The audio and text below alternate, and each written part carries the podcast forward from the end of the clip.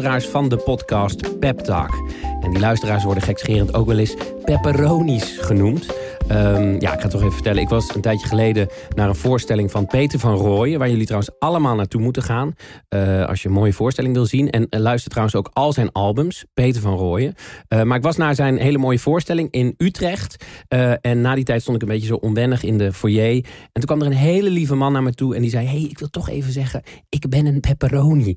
Ik kan jullie niet zo goed in woorden uitleggen... hoe ontzettend leuk ik dat vind. Dus ja, echt dank je wel daarvoor. Dat meen ik echt. Um, goed, over deze aflevering. Ik heb afgelopen dinsdag tijdens The Funniest Festival Ever... in het Chassé Theater in Breda... twee keer mijn podcast op mogen nemen met publiek. En ook met gasten. Er waren gelukkig ook gasten. Uh, en The Funniest Festival Ever, dat is een festival in het Chassé Theater dus. En er traden allemaal comedians op en cabaretiers. En er werden ook grappige films vertoond. En er was ook iets met moppen. Ik moest ergens een mop opschrijven. Nou goed, een heel leuk festival. Uh, en er, waren, er werden dus ook podcasts opgenomen. En ik mocht dus ook mijn podcast opnemen. En ik heb één aflevering opgenomen met Teun van de Elzen en Ryan Pandey. En één aflevering opgenomen met twee studenten van de Koningstheater Academie in Den Bosch. Deze aflevering gaan jullie luisteren naar het gesprek met Teun en Ryan. En over twee weken gaan jullie luisteren naar het gesprek met de studenten van de uh, Koningstheater Academie in Den Bosch. Goed, um, ja, deze aflevering dus, Teun en Ryan. Een zaal vol met mensen. Uh, die mensen mochten ook in- en uitlopen. Daar gaan jullie een hoop dingen over horen tijdens de aflevering. Um, uh, en mijn lieftallige assistente en degene die over de samenwerkingen gaat van deze podcast, namelijk Julia van Alem. En die jullie allemaal kunnen bereiken op het mailadres peptalk.pepijnschoneveld.nl als je een leuke samenwerking met ons aan wil gaan. Um, die liep in de zaal en als mensen dan een vraag uh, uh, voor ons hadden... dan mochten ze dat op een papiertje opschrijven. En op een gegeven moment gaan wij ook wat vragen van het publiek beantwoorden. En uh, ik wend me twee keer even weer tot jullie om iets te vertellen... over twee hele leuke samenwerkingen waar ik ontzettend blij mee ben. Nou goed, genoeg gepraat. Jullie gaan nu luisteren naar het gesprek dat ik had... met Teun van de Elzen en Ryan Pandey met publiek erbij. Veel plezier. Um, u hoort mij als het goed is. Ik ga gewoon uh, de, um, de... Dit is de tune. Als het goed is horen jullie nu de tune van de, van de podcast. Uh, oh, kom verder. Hallo. Geef niks. Kom verder. Oh, er zijn echt heel veel mensen. Oké, ik, ga ik ga gewoon de gasten van, uh, van vandaag um, aankondigen. Waar, ik het over met ze wil hebben. Wat ik, voor de mensen die niet weten waar mijn podcast over gaat. Ik doe vaak één vraag, beantwoord ik. En ik heb twee mensen uitgenodigd die in mijn ogen heel erg een andere stijl hebben. een andere toon en het over totaal andere dingen hebben. Dus ik wil het met hun hebben over hoe kom je... Ja, hoe ontwikkel je je tot wat je nu doet? Dus de vraag is eigenlijk, ik heb hem hier opgeschreven. Ik weet hem niet meer uit mijn hoofd. Um, hoe ontwikkel je je eigen stijl? Dat is eigenlijk waar ik het met ze over wil hebben. Ik ga gewoon de eerste aankondigen. Um, mijn eerste gast speelde laatst de Sterren van de Hemel... Uh, tijdens de Climate Comedy Night... die ik organiseerde in Tolhuistuin in Amsterdam. Dat was een comedyavond. Maar ik had hem natuurlijk al eerder gezien. Uh, hij studeerde politicologie in zijn, en in zijn voorstelling... Meer kan ik er niet over zeggen... staat er één vraag centraal. Wat als we Nederland opnieuw mochten inrichten? Mag ik een heel groot applaus voor Teun van der Elzen.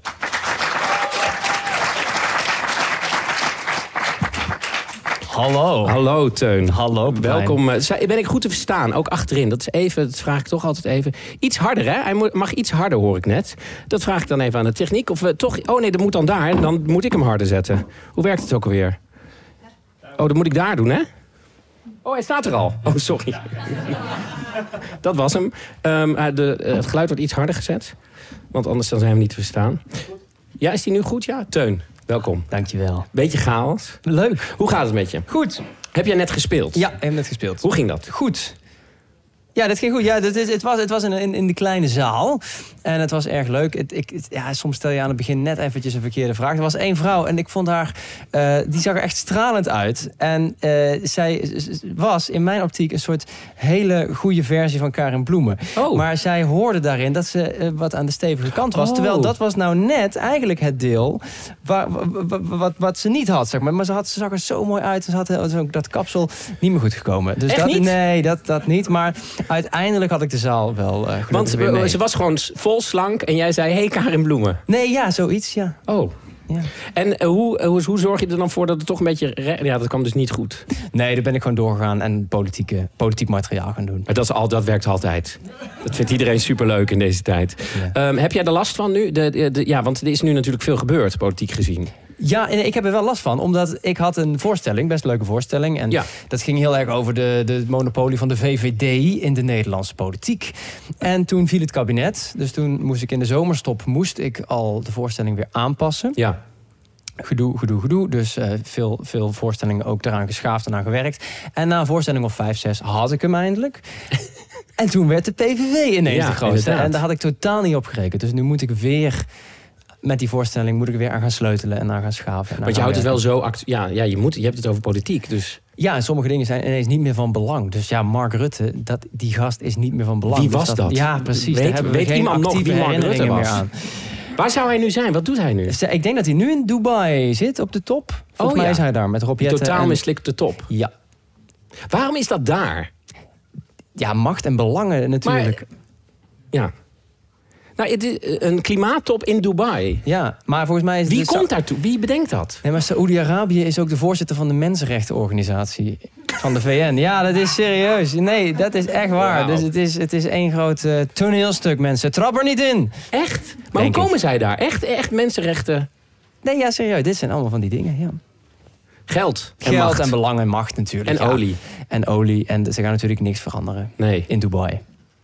Nou goed, Eh, daar gaan we het straks eh, eh, verder niet over hebben. Want Nee. de, de sfeer is helemaal naar de tyfus, merk ik alweer.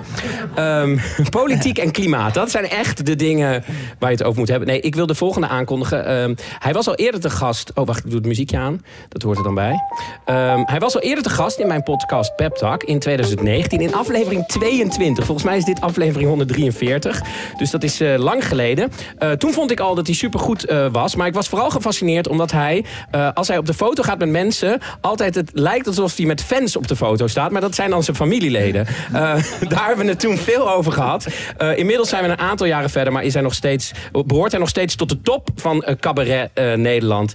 En ja, hij staat dus nog steeds met, met fans op de foto. Maar dat is dan zijn familie. Mag ik een heel groot applaus. Ryan Pandey, dames en heren.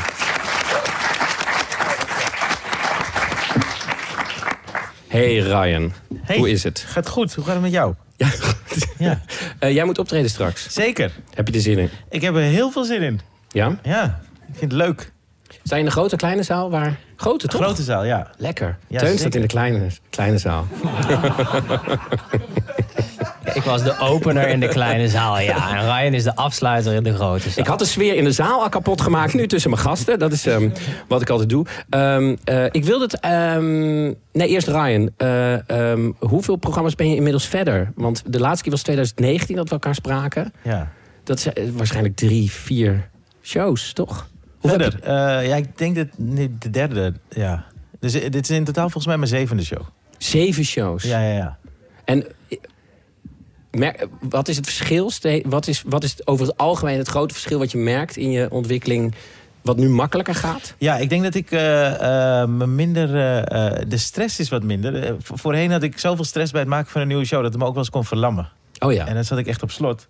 Maar dat is nu echt wel een stukje minder. Dus ik, ik heb wat meer plezier in het maken van een show. En waar hangt dat vanaf? Waar, hoe komt dat?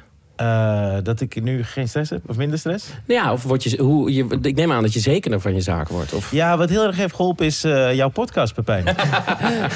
dankjewel. nee, nee, ik, weer ik, heb, eh, ik heb een podcast ook gemaakt met eh, eh, Stefan Pop. oh ja, tuurlijk. Eh, ja. The fuck? Oké. en daar hadden we wel En een hij goede zit tafel. onder de tafel. Ja, Ja. ja. Nee, maar eh, ehm, dat, eh, dat heeft denk ik wel ook heel veel geholpen. En gewoon eh, eh, ja, veel ervaring daarbij. Wat hielp, wat een podcast maken daarbij dan? Omdat ik eh, eh, veel makkelijker kon praten over dingen. Je leert volgens mij ook veel beter een verhaal vertellen. Ja. Tot en, hier. en hem niet afmaken. Nee, maar eh, jullie gingen ook materiaal testen, toch? Gewoon Ja, zo. eigenlijk wel. Ja, ja, ja. Maar Ja. daardoor kom je wel wat makkelijk. Ik ging er iets meer van aan of zo. En ik ben eh, eh, tijdens COVID, wat ook heel veel heeft geholpen, is dat ik heel veel ben gaan, gaan schrijven. Want dat deed ik bijna niet. Ja. Dus ik ben zeg maar steeds meer. Ik, ik, voorheen, ik ben altijd last minute. Daarom was ik hier ook op tijd. Ja. Maar ik, maar ik, ben, ik ben me daarin volgens mij. Ik heb mezelf beter leren kennen. En ben dat iets meer voor. Ja. Dus voorheen was het echt laatste moment stressen. Oh, moet ik doen, moet ik doen. Totale paniek. En nu zit die paniek wat eerder. Waardoor ik denk, oh wacht even, maar ik heb nog even. Oh, maar laat goed. me nu alvast aan, aan de slag gaan.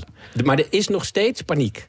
Ja, alleen die is wel wat meer. Omdat ik nu weet, ik heb, het, ik heb vaker deze paniek gehad. Dus dat helpt. Ja. En ik ben het nu ook iets meer voor. Dus dan weet ik ook dat het een klein beetje rek is. Dus de paniek is wel wat minder. Ah, oké, Ja. ja. Ja.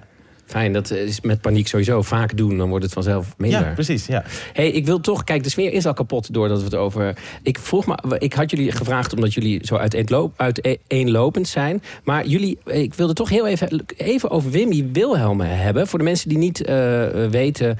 Oh, daar gaan ook alweer mensen weg.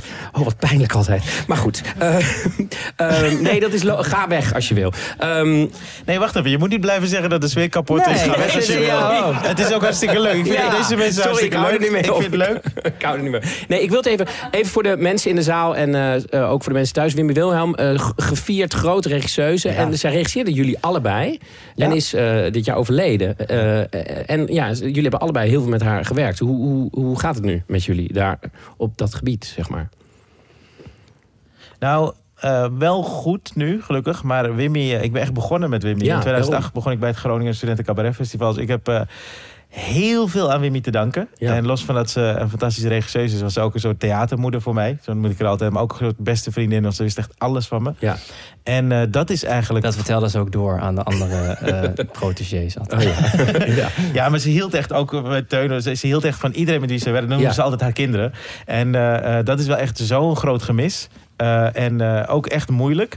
Maar wat wel fijn is, ik heb nu. Ik, ik heb het ook in mijn voorstelling over Wimmy. Omdat Ja. ze zo belangrijk is geweest. En het sloot eigenlijk ook wel heel mooi aan op een ander verhaal in de voorstelling. Dus ik vind het wel heel fijn dat ik toch een soort kleine tribute in mijn show kan doen. Als ik dat doe, ik ben dan toch heel erg bezig met Wimmy. En dat, dat voelt Ja, dan wel weer fijn. Dus dat- Want zij was echt iemand die, die eh, even voor de mensen die een, een gezicht willen en een, vooral een stem willen horen. Zij was die, zij praat echt zo. Zij speelde onder andere in Baantje voor de wat oudere luisteraars en kijkers. En, speelt ook eh, in Ferry nu. in Ferry zit ze nou ook in? ja. Ja, de advocaat. Wauw. Maar echt een, een lieve, grote vrouw, warm. Heel warm. Ja. En een goede regisseuse. Ehm, eh, en ja, zij was dus voor mensen echt een soort eh, moeder, toch? Eh, ook voor jou, Teun? Of- Ja, nee, zeker. Ja, ik heb dus één voorstelling ook maar met haar gedaan. Maar dat was wel... Een, een, dat- de, de eerste is toch een speciale. En ik ben wel echt heel blij dat ik dat met haar heb mogen doen. Omdat zij zoveel ideeën had over het vak. En mijn eerste try-out, dat ging echt ruk. En die had ze toen teruggekeken. En toen zei ze, nou oké, dat is hartstikke goed. En dit en dat. En dan had ze een hele lijst met allerlei punten.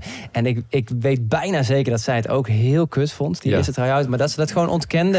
en zei, nee, dit was hartstikke goed. En ja, ze snapte er niks van, maar dat ligt aan hun. En daardoor heb ik echt zoveel vertrouwen van haar gekregen. En iemand anders zei laatst heel mooi van... ja, eh, dat vertrouwen wat ze je gegeven heeft. Want ja, het was liefde, maar er waren ook echt een paar namen met wie ze gewerkt had. En dat was echt geëindigd in hele Oh, ja? dikke vette haat. En Dat doen we achter de betaalmuur. Ja, ja, inderdaad. Ja. Als je heel veel Nee, geld maar- betaalt, gaan wij die Nee, namen zeggen. Maar ze was wel selectief met haar liefde. En dat, is, dat, dat maakt zeker. het wel waardevoller. Ja, dit is misschien heel erg ijdel wat ik nou zeg. Maar dat maakte het wel waardevoller als je wel in de clan uiteindelijk zat. Het was En- echt een clan, ja. Een beetje wel. Maar daar ook wel echt, ze gaf je dan heel veel vertrouwen. En iemand zei, ja, dat vertrouwen neem je, als het goed is, wel je hele carrière mee. Want ze werkte niet zomaar met iedereen. Nee. En wat zijn lessen die, jullie, die je meeneemt eh, van haar? Eh, nou, eh, dat vertrouwen, wat, wat heel tof is bij Wimmy... en wa- waarom ze volgens mij met een bepaald type mens heel goed kon werken... en daar schaar ik Teun en ik onder... We hebben eigenlijk wel heel veel gemeen... los van dat we naar dezelfde kapper gaan.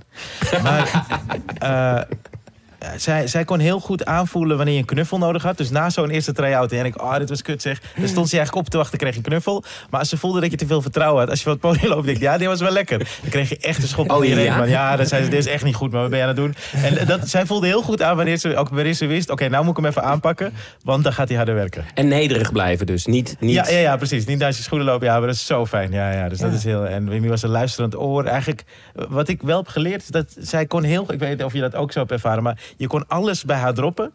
En ze had eigenlijk geen oordeel. Ja. En daarmee ging ze een beetje aan de haal. En zei ze, oh, maar misschien moeten we deze kant. Of misschien kan je dat. Of als je de mening vroeg, dan gaf ze hem wel. Ja. Maar eh, dat luisteren, zeg maar. Eerst zonder oordeel. Even kijken, dat is toch een mooi ding van creativiteit. Dat is vaak Ja. goede... Oh, sorry, wat wil je zeggen? Nou ja, wat, wat je ook vaak hebt als, als comedian, dan heb je een verhaal, je hebt iets meegemaakt of je hebt iets bedacht. En dan ging je vaak naar Wimmy toe. Ze woonde toevallig twee straten verderop. Dan liep je helemaal naar boven. Ze woonde drie hoog achter. En dan ging je aan die keukentafel met haar, ging je dat verhaal doornemen. En dan was Wimmy er altijd heel goed in om, om gewoon de, de ruis eruit te halen. Van ja, dit boeit niet en dat boeit niet. En ze kon dan zeggen van ja, het gaat natuurlijk over verra- verraad. Ja. En dat je dacht, oh my god, het gaat inderdaad over verraad. En Ja, dan was ja. je dan zelf helemaal niet opgekomen. En dan had je weer een ingang om op door te gaan. vond Dat is grappig dat vaak inderdaad eh, dat goede regisseurs volgens mij hè, in mijn zijn en ze kunnen onbevooroordeeld bevooroordeeld ja is dat het woord Onbe, Onbevooroordeeld. onbevooroordeeld ja. Ja. onbevooroordeeld kijken dus gewoon ze kijken naar wat er is Ja. niet naar wat ze graag zouden willen zien Ja.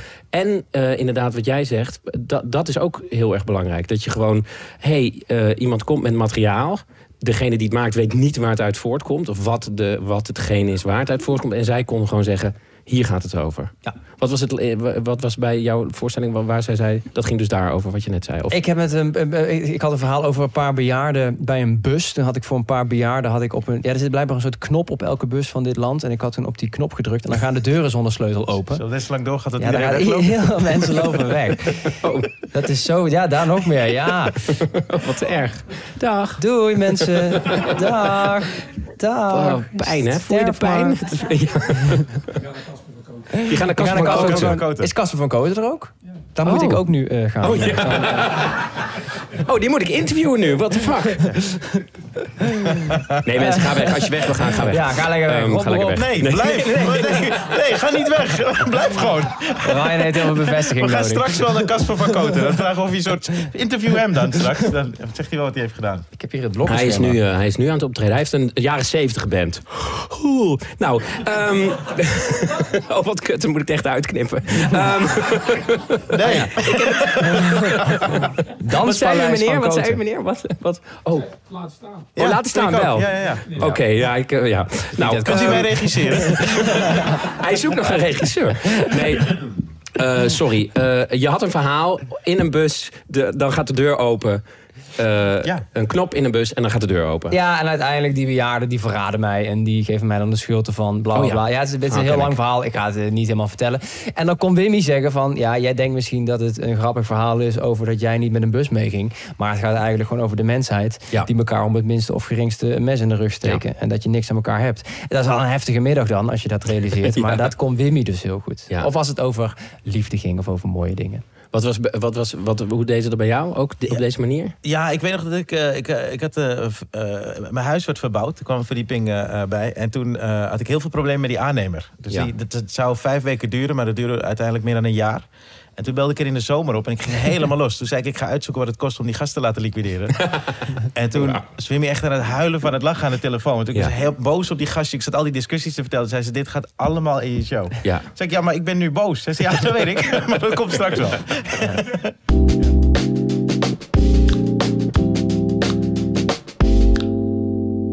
Ja, mensen. En dan is het nu tijd om even iets te vertellen over de eerste samenwerking die bij deze aflevering hoort. En dat is mijn samenwerking met Theater Rotterdam en theaterregisseur Erik Wien. Eh, theater. Ik vind het altijd heel fijn om iets te vertellen over theatervoorstellingen in deze podcast. Want ik vind theater een prachtige kunstvorm. Ehm, en maar helemaal als ik iets mag vertellen over een voorstelling die Erik Wien heeft geregisseerd. Want een beetje pepperoni weet dat ik groot fan ben van theaterregisseur Erik Wien. Hij was ook de gast in deze podcast in aflevering 137. Zei hij allemaal prachtige dingen, kan je allemaal terugluisteren. Maar nu heeft hij dus een nieuwe voorstelling gemaakt bij Theater Rotterdam. En die voorstelling heet A Case for the Existence of God. En deze voorstelling speelt van 3 januari tot en met 22 februari door gans het land. Dus die kun je overal bekijken. Hij gaat in première op 5 januari in Theater Rotterdam. En in deze voorstelling spelen acteurs Bram Suiker en Emmanuel Ohene Buaffo. En zij hebben allebei een Louis d'Or gewonnen. En even voor de mensen die niet weten wat een Louis d'Or is. Dat is een prijs voor allerbeste acteur van Nederland. Dus Bram en Emmanuel zijn geen kleine jongens, kan ik jullie vertellen. Of nou ja, Bram is, Bram is een klein mannetje, dat wel. Maar ik bedoel qua talent. Eh, en Erik Wien is natuurlijk een van de beste regisseurs van Nederland. En eh, deze voorstelling is geschreven door Samuel D. Hunter. En die heeft ook de Oscar-winnende film The Whale geschreven. Die jullie waarschijnlijk gezien hebben. Het is een intiem verhaal over hoop en vriendschap. En Erik zegt over deze voorstelling dat het gaat over twee mannen die vastzitten in bestaande constructies. Uh, en daarmee bedoelt hij dus uh, waar je bent opgegroeid, tot welke sociale klasse je behoort, wat je geaardheid is. Nou ja, daar zijn ze allebei in vastgelopen. Uh, en feitelijk zijn ze elkaars tegenpolen, deze twee mannen.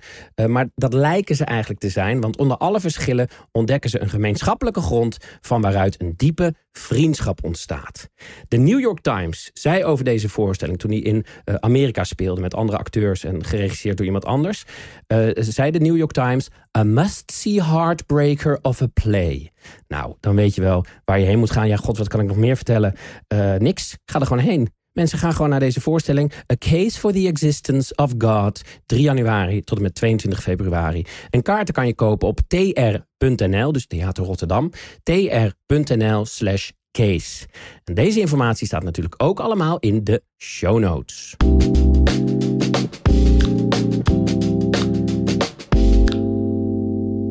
Waar ik het met jullie vooral over wilde hebben. Ik had dus jullie uh, gevraagd. Ik had ook nog iemand anders gevraagd, maar die... die Nienke Plas.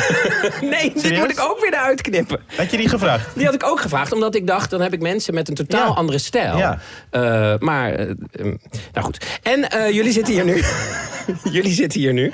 Um, omdat ik wilde hebben... Jullie zijn in mijn ogen... maar misschien zijn jullie het daar niet mee eens... of is het publiek daar niet mee eens... Een totaal, jij hebt het over totaal andere dingen dan jij. Uh, um, en waar ik het over wil hebben is, hoe kom je tot die... Hoe kom jij bijvoorbeeld tot politiek?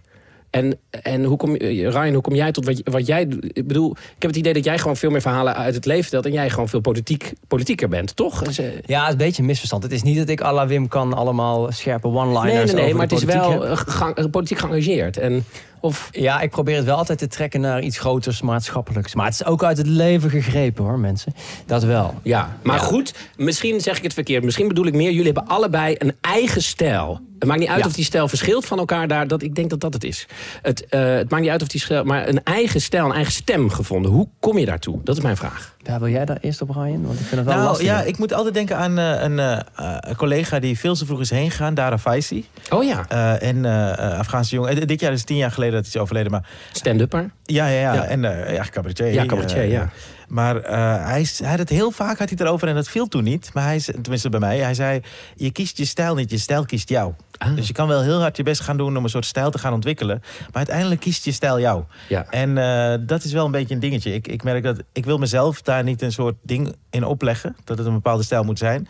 Maar ik voel wel altijd dat uh, mensen die naar mijn show komen iets leuk vinden of niet. Of iets ook zien. Wat ik misschien ook helemaal... Ik heb wel eens dat iemand hele, hele recensie lovend schreef. Dat ik dacht, het zit er allemaal niet in. Maar, ja. maar uh, ja, dus daarom. Dat het, een beetje, het is niet een bewuste keuze. Maar ik probeer in ieder geval altijd heel dicht te blijven... bij de kern van mijn emotie. Ja, en dat is dan bij Waar gebeurt vrouw of iets dat me raakt... Uh, als ik het zie. Maar het is inderdaad veel persoonlijk en heel veel uh, levens en, en, eh, in de cabaret en stand-up wereld noemen ze dat dan altijd je stem vinden, toch? Dat hoor je vaak. Wanneer was het moment dat je dacht, hé, hey, dit is mijn stem? Oh. Dit is mijn stijl. Ja, maar dat vind ik heel geleidelijk. dat... ik had op een gegeven moment Ryan stem. Dat was heel raar. ik, ik wil niet bellen over de aannemer. Ik kon hem niet vinden. nee. Hallo, oh, ik, heb, ik heb ineens de stem van Wimmy. ja. Nee. Um, nee, maar dat gaat heel geleidelijk. Want ik heb, ik heb veel aan Wimmy gehad, maar ook heel veel aan Raoul Heertje. Omdat... Wie? Raoul Heertje. Oh ja, oké. Okay, dat... Ook aan ja, ja, Raoul zat bij jou in de podcast jaren geleden. Oh. En daar heb ik toen heel veel aan gehad. Ik heb altijd, als, ik, als mensen beginnen met stand-up comedy... want het is natuurlijk ook, het is een podcast, deze podcast ter lering en vermaak. Dus ter lering. Ja.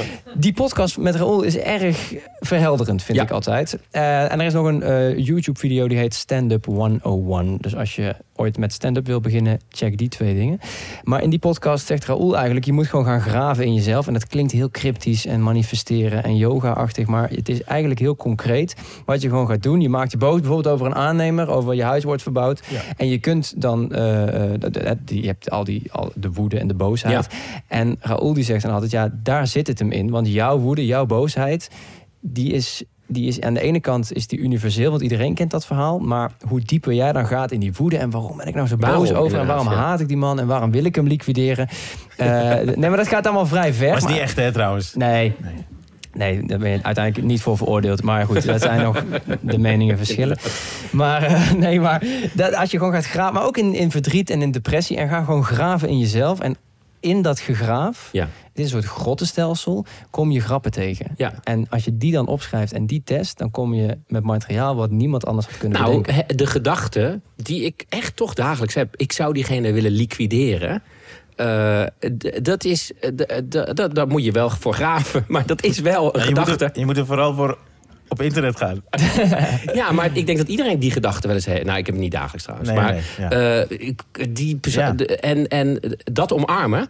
En daarvan denken, hé, hey, die gedachte ga ik eens even uit. Ja. is ook best eng om dat te doen. Want dan kom je ook in je, met je geest op plekken Ja. waar je misschien niet wil komen. Ja, ik vind dat dus niet zo eng. Oh nee? Nee, nee, nee. Ik voel me altijd veel fijner om het, zeg maar... eh, omdat ik weet dat eh, het podium of het theater de uitlaatklep is... Ja. is dat juist een veel fijnere manier om het allemaal te laten gebeuren. Omdat mensen dan, die zitten in de zaal en denken... oh ja, nou ja, dit meent u niet. Denk ik, oh jawel, maar dat is heel fijn. Dat is heel fijn, omdat dan voel je ergens toch dat mensen eraan kunnen twijfelen. Ja. Het zit in een theatervorm, of een kunstvorm. En dat maakt het juist veel makkelijker voor mij. ja. Snap ik, ja. Omdat je het dan... Ja, nee, ik snap het nog niet. Omdat je het dan kan delen? Of omdat je Nee, het omdat ik... de eh, vorm aan kan geven? Ja, de, de mensen interpreteren het op hun manier. Ja. Die daarnaar kijken. En ik heb dan het gevoel, ik kan zeggen wat ik wil. Mensen weten dan niet of het waar is of niet. En dat is voor mij nog veel... Dat voelt veel veiliger bijna. Dan Ja. dat ik het echt aan iemand zou moeten vertellen. Ah, Ja. zo, ja, ja. Dus ik ben volgens mij op het podium veel eerlijker dan daarbuiten. Oh ja? Ja, ja.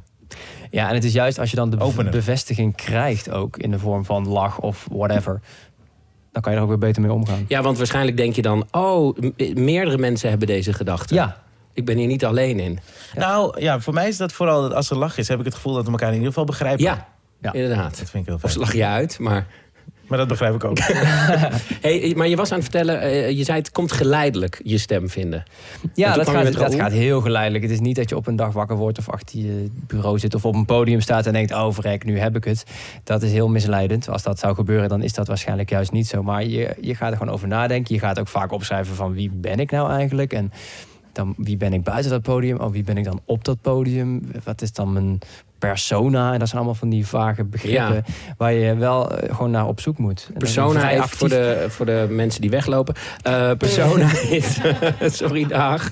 Ehm, jezus, dat blijft een ding. Na deze kunnen mensen gewoon vragen stellen. hoor. ja, inderdaad. Ik wilde even dat deze wel wegging. Ja, inderdaad.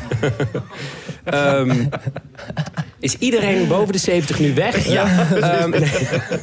nee, nee, meneer, blijf alsjeblieft. U bent niet 70, U bent toch? niet 70, kom nou. Nee, maar hij- 69. Hij, hij wil wel weg. Ehm, ja, nu ben ik het kwijt. Eh, ehm, Geleidelijk, of niet? je komt geleidelijk... eh, je, Persona wil je Oh ja, uitleggen. persona. Ik wilde even aan het publiek uitleggen. Persona is dus de, de, de persoon die je op het podium bent. Die verschilt een beetje van wie je in de dag... Jij zei al, ik ben eerlijker Ja, op het ja. podium bijna. Ja. Jij, hoe, wat is jouw persona? Dus het personage wat je op het podium bent eigenlijk, toch? Dat is, eh, Ja. dat goed verteld? Ja, toch een beetje die linksliberale gast die eh, het heel frustrerend vindt dat de wereld eh, niet altijd doet wat we hebben afgesproken. Maar daarbuiten stem je PVV. ja. dus er zit wel wat licht gelukkig. tussen, inderdaad. Mm. Wat een heerlijke uitslag. Ehm, maar is er een moment dat je dacht... hé, hey, nu heb ik hem. Nee, maar ik heb wel ooit met bits of met verhalen dat je echt denkt: oh, nou, dit is echt wel een. Ja, dit klinkt zo. Dit klinkt echt heel erg, maar dan denk je: oh, dit is echt een teun van de Elzebit. ik heb echt iets nu wat, wat echt uit mij komt. Wat volgens mij, als iemand anders het zou vertellen, het ook net niet zou kloppen. Snap je? Dat is fijn. Heb je wel eens werk van, dat is, eh, je ziet soms, je hebt soms wel eens toch dat mensen werk van anderen doen. Ik heb op de toneelschool wel eens dan een, was dat van Wim Hels of zo? Toen heb ik gewoon een tekst van Wim Hels. En dan werkt het echt niet. Want je, het komt niet uit je, het is niet wie, Ja. wie jij bent.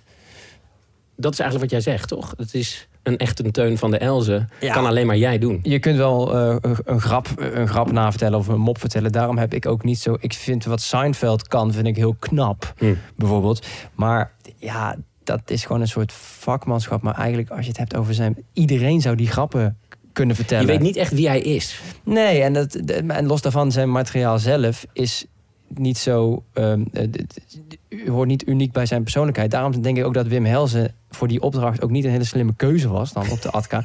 Omdat Wim Helzen heeft eigenlijk geen uitschrijfbare grappen. Nee, nee. Alles wat hij doet is grappig omdat het uit hem ja, komt. ja, dat is waar.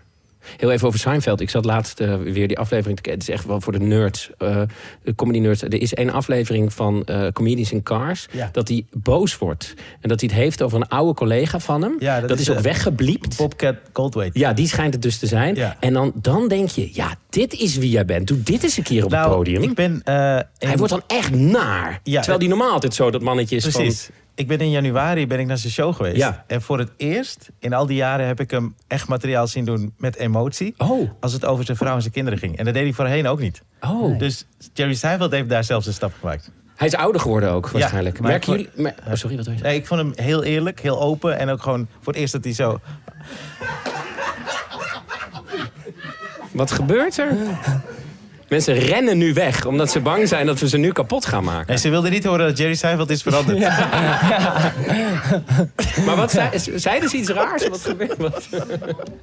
Omdat ze wegrenden, bedoelden jullie? Of... Oh, ja, zeg het, zeg het, zeg wat wil je zeggen? Ik ben al in blinde paniek. Mijn vriendin en misschien iets zo ergens anders. Ik moet Oh, hij moet Ja, maar weg. dit is heel netjes, Ja, dit Dit is super Ja. lief. Als ik zo wegloop, Nee, maar dit is super lief.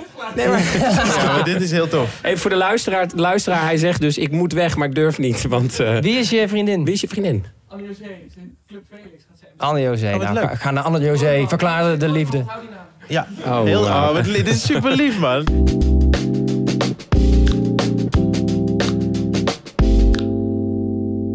Ja, mensen. En dan is het nu tijd om even iets te vertellen over de tweede samenwerking. Eh, die bij deze aflevering hoort. En dat is mijn samenwerking met Vertellis. Ik heb al twee keer eerder iets over Vertellis eh, verteld. Eh, maar even voor de mensen die niet weten wat Vertellis is, zal ik even vertellen wat Vertellis is.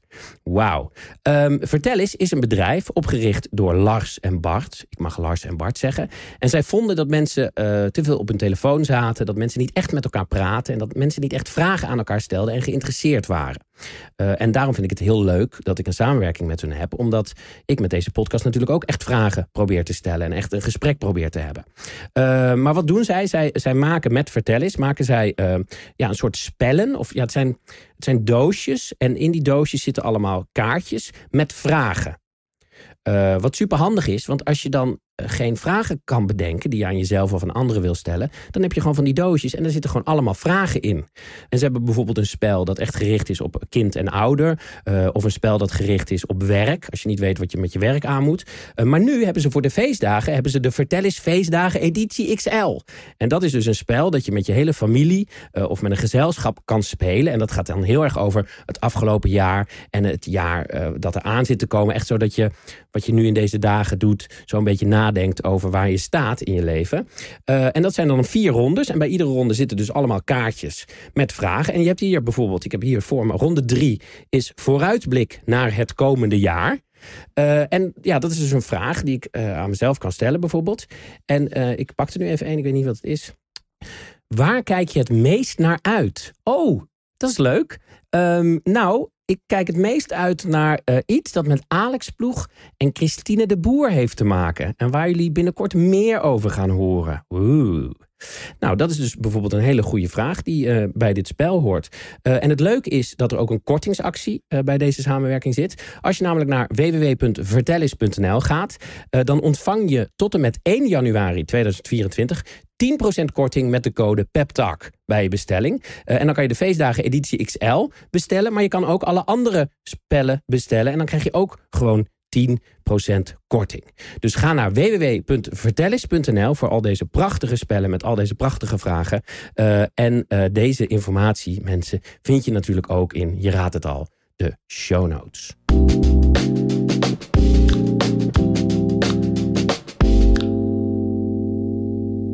Zullen we, zullen we zo vragen doen? Ja, Anne, Ja, laten we vragen doen. Anders ja. zijn ze er straks niet meer. Ja, laten we.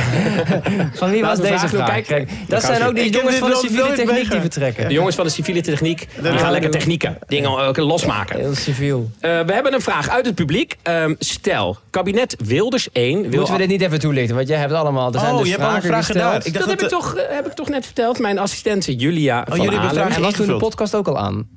Eh, Voor mij je- luisteraar. Voor de luisteraar. Oh, sorry, Ja, luisteraar. Lieve luisteraar. ehm, Gelijk. eh, eh, lieve luisteraar thuis. ehm, eh, ik Of heb lopen die ook weg? Dat die gewoon niet meer er zijn. Daar merk, maar dat is ook raar. Ik merk dus, kijk, ik neem dit normaal thuis op. En dan loopt er nooit iemand weg. Dan is het gewoon... Ik heb, dit, ik heb dit nooit meegemaakt. Zo raar. Maar als ik dit thuis opneem, als iemand wegloopt, dan is het de gast. Dus ehm, Ja, precies. Ja, dat valt wel op. Ehm, ehm, ik heb even voor de luisteraar thuis. Eh, ik heb dus eh, aan het publiek gevraagd eh, of ze een vraag. eh, als ze een vraag hadden, konden ze dat opschrijven. En toen heeft Julia van Alem, een lieftallige assistent, die heeft eh, een aantal vragen uit het publiek eh, opgehaald. En hier is bijvoorbeeld een publieksvraag. Stel, kabinet Wilders 1 wil alleen nog theaterduo's. Met wie zou je willen samenwerken? Ja, met Ryan. Nee, oh, nee, ja? nee, nee. Oh, nee, Wat een goede niet. vraag trouwens. Echt een goede vraag. Ja, Ja. ga je wel. Wat, met wie zou je willen samenwerken? Martijn Grins. Oh, leuk. Ja, Ja, dat is echt een beste vriend en eh, gewaardeerde collega. ja, allebei dat Brabantse ook. Ja, want hij komt een randje Limburg. Oh ja. Ja. Ja, nee, dus dat lijkt me. We gaan ook wel echt de dubbele ook al voor volgend eh, seizoen. Heel- We houden zeer erg rekening mee dat deze vraag werkelijkheid wordt. Nee. Oh, wat leuk. Eh, Ja. dat Bra- heel even over dat Brabants. Hè? Ja. Heeft dat er ook mee te maken dat je elkaar een beetje aanvoelt in de tongval? Een klein beetje wel, ja. Ja, dat vind ik wel. Ik, ik, ik, ik ging namelijk naar Amsterdam. We verhuizen, eh, weet Oh. ik veel, tien jaar geleden. En eh, je hebt allemaal van die Amsterdammers, die gaan dan naar Leiden of Amsterdam. En, of eh, Brabanders, die gaan dan naar Leiden of Amsterdam. En dan, gaan ze, dan verliezen ze die, die zachte G. En ik vond dat altijd zo lelijk. Dat Er komen mensen bij. Er komen mensen bij. Ik zei toch, je moet met veel te laat. Veel te laat. Ze hebben nu gehoord dat we de vragen doen. Wat leuk dat jullie er zijn. Hallo. Ja, Hallo. Goeiedag. hallo. Nee, dat Ja. vind ik echt een soort hoogverraad. En dat vind ik echt eh, schandalig. En eh, toen kwam ik één gast tegen. En eh, die kwam uit Eindhoven. En die praatte gewoon Brabants. En dat voelde zo als thuiskomen. En toen Ja. dacht ik, ik, ik wilde dit al niet. Maar ik ga echt nooit meer mijn accent veranderen. Nee. Dus er is altijd een soort klik. Stond, gisteren stond ik in de praxis. En toen eh, stond ik bij de sierlatjes. Je hebt sierlatjes. Oh, kun je- mooi. Ja, die zijn fantastisch. Die, die zijn ik. fantastisch. En eh, toen stond er een man achter mij eh, die zei, had ik ook eens nodig. En dat vond ik zo fijn. dat vond ik zo echt zo van, oh ja man. Ik verstond ja. niet wat, wat zei Nee, dat maakt ook niet uit. Dat Oh. hoort erbij. Dat hoort erbij. Wil je me aftrekken? Betekent dat ja, ja, dat? precies. Heb ik ook hier nodig? Ja, dat ga je ook eens nodig. Ja, oh, wauw. ja, ja, ja. En dat voel je echt in je hart? Ja, nee, en dat, komt, Oh, dat zijn niet Brabanders, toch? Dat is ook buiten Brabanders. Eh, dit, is ook, dit is echt waar. Nederlanders die op vakantie in Nederland tegenkomen, dat is van, ah, kut, ze zijn er. Brabanders die in Brabant tegenkomen, hè? Kijk gezellig, ja, precies. Dat is echt waar, dat is echt waar. Oh ja, ja. En wilde stemmen. En ehm, ja. dat is twee Dat dingen. wel. Een zachte G en Wilders. Ehm, even kijken. Ehm, eh, met wie zou jij een duo willen vormen, Ryan? Eh, ik heb mijn accent wel aangepast. nee, eh ik, denk- ik heb een paar keer met Jij Steven... praat toch niet eigenlijk zo, toch? Wel? Nee, toch? Nee, toch? Thuis? Nee, toch? Nee, dat is een serieuze vraag. Is het raar? Is het thuis? racistisch of zo? Nee, nee. heel Oh, echt? Nee. Sorry, is dat... Nee, nee. Wil jij, straks, wil jij straks naar mijn show komen? Want jullie lachen echt de shit, man.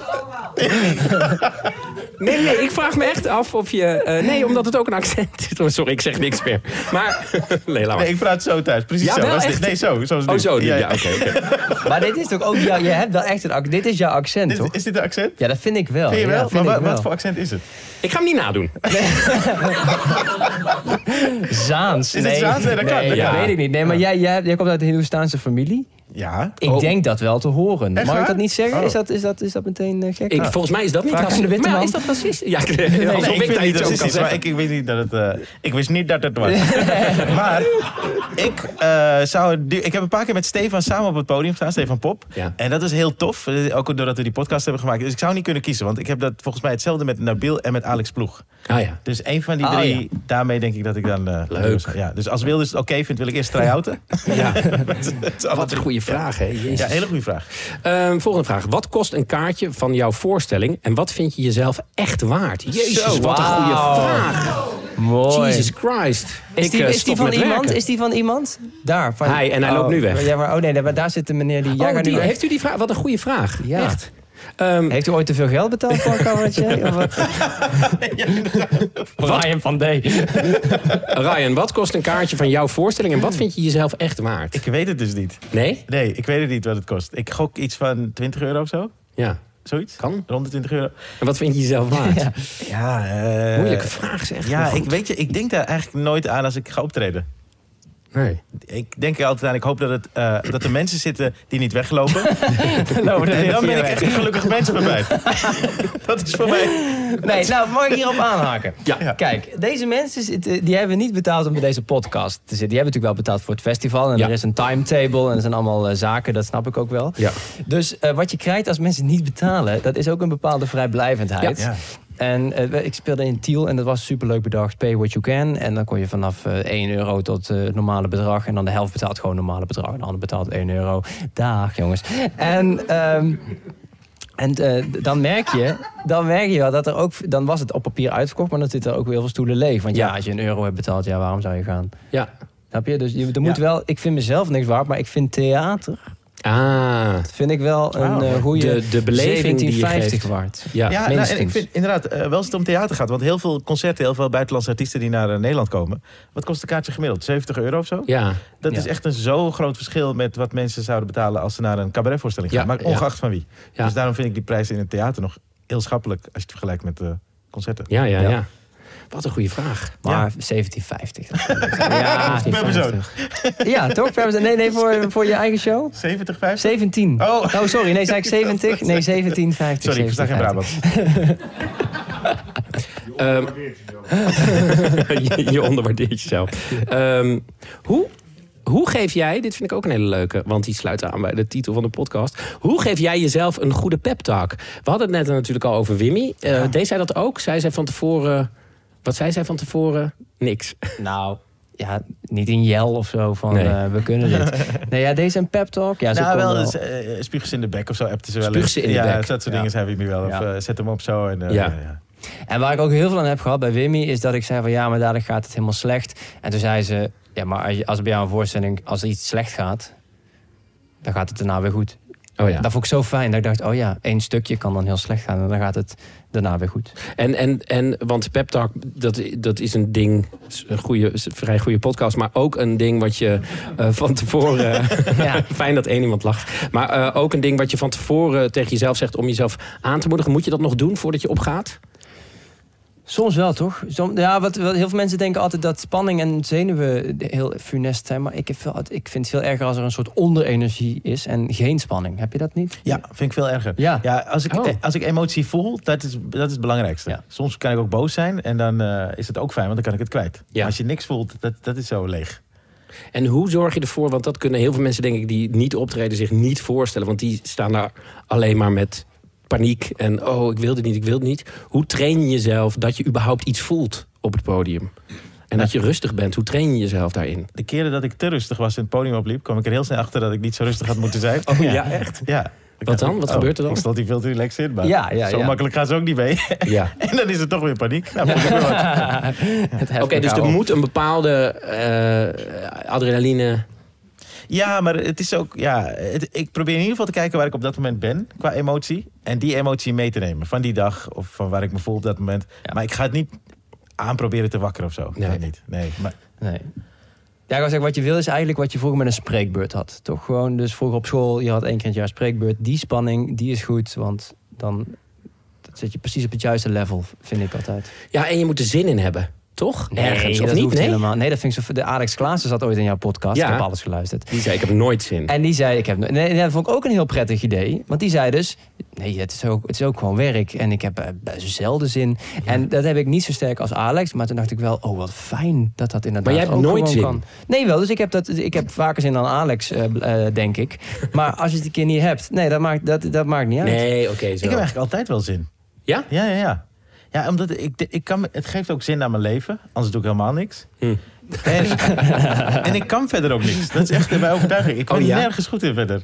ik kan dit en dan vind ik, daarom vind ik het leuk om te doen. Maar heb je nooit dat je denkt, oh ja, nu moet ik weer in de auto, moet ik helemaal daarheen en al die dingen. Weer hetzelfde verhaal vertellen. Nee. Echt nooit ik knap. Ik- het kan, wat ik wel vervelend vind, is echt in de file staan. Dus al die randdingen zijn Mm. soms wel Ja, een beetje vervelend. ja, ja. Maar als ik er eenmaal ben, dan denk ik, oké, let's go. En wat is er zo leuk aan? Eh, ja, je krijgt de adrenaline. Ik vind het zo fijn om iets te creëren met mensen eh, samen. Ja. Eh, ik vind het ook leuk om, om met andere mensen op te treden. Maar het is gewoon fijn dat je een gezamenlijk gevoel kan krijgen. En dat is, eh, ik ben dan misschien wel degene die het start, het gesprek. Maar soms is het publiek heel grappig. Of Ja. weet je, dat kan ook. Eh, of, dat vind ik ook zo vet. Er gebeurde net wa- wat, toch? Ja, dat is ja, leuk. Ja, dat Zo, vind ik oh, dus leuk, ja. Gaan mensen weg, wij reageren En erop. het, en het kan Ja. alleen maar nu. Dus Ja. het is echt zo'n momentopname. Ja. En dat is, dat is een gevoel. Ik, ik denk dat ik dat gevoel had. Ik wil toch even aanhaken op eh, eh, iets dat, dat ik bij Teun had. Wij speelden een tijdje geleden in Eindhoven. Oh ja. En Teun was de MC. En er was toen een grote storm, weet je nog? Ja, ja, ja, ja, ja, ja, ja. En toen eh, zei hij, want ik ging na de pauze en hij moest me aankondigen. Toen zei hij, ja, ik doe even een stukje van, ik weet acht minuten of zo. Ik zei, ja, prima, is goed. Maar hij kwam op en die hele zaal was helemaal aan. Ja. En die uit echt uit zijn hand. Maar dat vind ik sowieso heel tof van Teun. Want die dacht, ja, ik kan nu wel echt een uur door gaan spelen.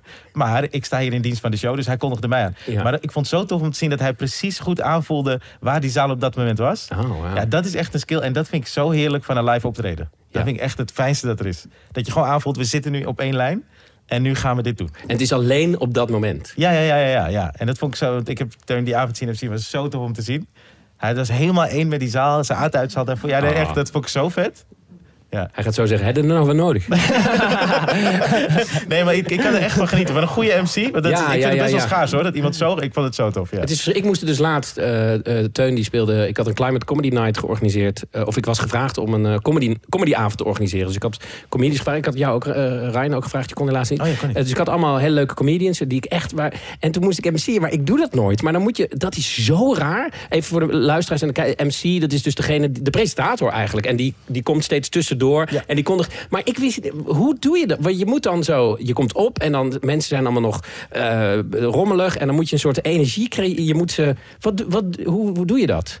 Jij weet dat blijkbaar, Teun. want je hebt het Nou, nee, goed ja. Eindhoven was ook echt een leuke avond. Ja, wat, hoe doe je dat? Je, je gaat er gewoon heen. Ik heb altijd wel, als, als je dan je naam hoort, ook als MC, maar ook eigenlijk als act, dan hoor je zo, eh, hier is Teun van de Elze. Dat ik altijd denk van, nou, ik weet niet wie deze mensen aan het lachen gaat krijgen, maar Ja. ik ben het niet, dus we hebben wel echt een probleem. Dus dan, maar dan ga je toch maar op, want het is de afspraak. En dan, daar gebeurt het dan. En daar dan proberen open te staan. En wat ik, waar ik ook echt achter ben gekomen, het is echt zo simpel. Enthousiast zijn en lachen en laten zien dat jij daar zin in hebt. Maar voel je niet een enorme verantwoordelijkheid? Nee, ook weer niet. Want als, je- als je dat juist loslaat... Natuurlijk, je hebt wel een verantwoordelijkheid... maar er komen ook allerlei acts. En je moet... Ja, nee, nee, ja, het- ja je hebt altijd de verantwoordelijkheid. Ja, ja, ja. Dus dat is niet groter als MC dan als act. Ja, ik sprak laatst iemand die zei, eigenlijk wat je moet doen is gewoon, je moet doen alsof, of wat, in mijn geval was het echt zo, want ik had die mensen echt gevraagd, dus ik was ook enthousiast. Hé, hey, je komt vol. Je, en als dat niet zo is, moet je doen alsof ik heb voor jullie hier deze en deze en deze mensen. Je neemt het publiek eigenlijk mee in het enthousiasme voor diegene die optreedt. Ja, dat, is, dat, is, dat helpt altijd, enthousiasme. Maar heb jij trucjes of dingetjes die je doet? En niet een trucje per se, maar eh, wat heel, heel erg scheelt is de avond. eh, jij hoeft hem niet te maken, want je moet mensen aankondigen die gaan optreden. Ja, Dat haalt altijd wel wat druk weg. ja. En verder vind ik het gewoon. Maar het kan zijn dat, stel je voor, je warmt die zaal niet goed op. Of je komt op en je zegt, hallo allemaal, hier is Ryan. Dan Ja, word jij boos. Dus je voelt wel een soort van verantwoordelijkheid naar de comedian. Ja, zeker. Ja, maar de, nou, eigenlijk de, de, de MC's waar ik het meest van hou... die voldoen inderdaad wel altijd aan een paar dingen. Dat ze iedereen welkom heten, uitleggen wat er gebeurt. En toch altijd materiaal doen. Want Oh, de eerste comedian die opkomt... Die gaat materiaal doen. Dus Ja. het is heel raar als de eerste gewoon aan het kletsen is met je. En ineens komt iemand die zegt: Ik was vandaag bij de bakker. Dan denken die mensen in de zaal: Ik was helemaal niet bij de bakker. Waar- waarom, waarom gaat hij niet met ons praten? Dat deed die ander ook toch? Ja. Dus daar zit dan wel een soort stijlbreuk in. Ja. De code is De dan code, niet ja. helder, ja. Ja, wauw. Eh, volgende vraag, even leuk, leuk. Ehm eh, goeie pep daar. Wauw, dit handschrift. Jezus, ja. Sla, pe- pen, sla je- de jezelf na een minder goed optreden. Oh, hey, wie had, had jij dat geschreven? Kan je hem even, Oh, vertel. kan je hem even herhalen? Wat? Uh, maar zei ik, ehm, hoe ga je om met een minder goed optreden? Eh, dan als een soort subvraag, eh sta je er zelf, eh, sta je er snel doorheen of blijf je er lang eigenlijk in? Goeie vraag. Ah, Ja, dat is een goede vraag. Eh, even voor de luisteraar. Dus eh, hoe, hoe ga je om met een slecht optreden? optreden? Blijf je er juist in hangen of ga je snel weer weg? Eigenlijk, toch? Of, Ja, een beetje, eh, denk je snel van, oké, we gaan gewoon door, volgende keer beter. ah, zo ja. ja. Dus de, hoe, of zet je een knop om of blijf je erin hangen? Dat is eigenlijk de vraag. Ryan. Nou, eh, het doet altijd wel echt pijn aan je ziel. ja, echt. Het is zo kut. Omdat ik juist het gevoel heb op het podium wil ik eerlijk zijn. Of mijn emotie dan tonen die ik heb. En als het dan niet goed werkt. Ja, dat is echt balen. dat gevoel gaat niet weg. Alleen de duur van het gevoel, daar leer je beter mee omgaan. Dus daarna heb je hetzelfde kutgevoel als dat je misschien in het begin had. Maar je leert je er iets sneller overheen zetten. Eh, en ook dat het niet het einde van de wereld is. Want zo voelde het in het begin heel erg. Van, oh mijn god, alles is klaar. Ik ga, ik ga het nooit meer kunnen doen. En nu heb je al wel optreden staan, hopelijk. Dat scheelt. En eh, toch een beetje kletsen met vakgenoten. Eh, mijn technicus Jorik, die is daar echt fantastisch in. Om het goed aan te voelen. En dan zeg hij Marijn, we hebben morgen weer optreden. En morgen maak je Ja, het goed ja. Dus hij heeft eh, een klein beetje wat Wimmy eigenlijk ook heeft. En dat helpt wel. Als je een beetje mensen om je heen hebt die een klein beetje op kunnen vangen. En het een beetje in perspectief kunnen plaatsen. Want anders kan je jezelf helemaal naar beneden halen. En jij, hoe ga jij daarmee om? Ja, je probeert, je probeert te zoeken naar een soort oorzaak. Lag het aan mij, lag het aan iets anders, lag het aan de setting, Ja, aan de ja. zaal. En dan, ja, je probeert er een les uit te trekken. Dat lukt ook lang niet altijd. En, of ligt het aan het materiaal? Dat- Als, als, het- ik vind een open mic mag gewoon totaal mislukken. Dat vind ik echt helemaal niet erg. Maar als je inderdaad met bewezen materiaal, gewoon solo bijvoorbeeld, Ja, als, je, als het dan fout gaat. Ja, er, zijn eigenlijk, er is wel één zaal, bijvoorbeeld daarvan weet ik, ja, daar, dat lag echt niet meer aan mij, wat daar gebeurde. Daar liepen En, mensen weg. nou ja, eh, midden maar- nee, nog in, net. het, in het optreden. Had niks met ons te maken. Ja, ik weet niet of jij me hier straks uit gaat trekken. Maar, eh, ja.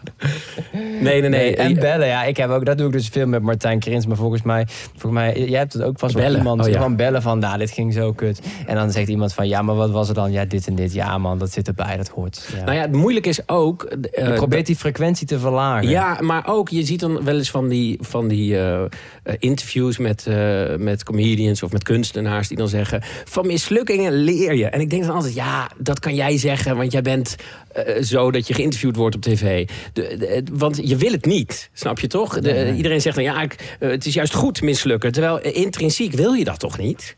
Dat vind ik altijd zo ingewikkeld. nee, maar het is wel echt onderdeel van het proces. Ja. Dus dat leer je denk ik wel een beetje accepteren. Maar je wil het nog steeds. Dus de keer dat het mislukt, dan wil je het ook niet. Nee. Maar volgens mij door ervaring of juist door dit soort dingen... gaat het wel in je hoofd zitten. Ik denk, oké, maar ergens hoort het bij het grote plaatje, hopelijk. Ah, ja. Maar het blijft kut. Ja, dus als een optreden slecht gaat, een try-out slecht gaat, dan is het niet zo. Ik, ik ben mislukt, maar Ja. deze poging naar de voorstelling toe is mislukt. Ja, en we moeten Ja. aan de bak. En we moeten aan de bak. Ja, ja, ja. Mijn broertje die was heel jong en toen, zei- toen, toen maakte hij een soort salto en dat ging niet goed. En toen, op de trampoline. En toen zei hij, dat lukte mis. Ah, En dat is, vond ik, Oh. nee, maar dat is ergens, zit er- dit- dat vond ik gewoon zo grappig.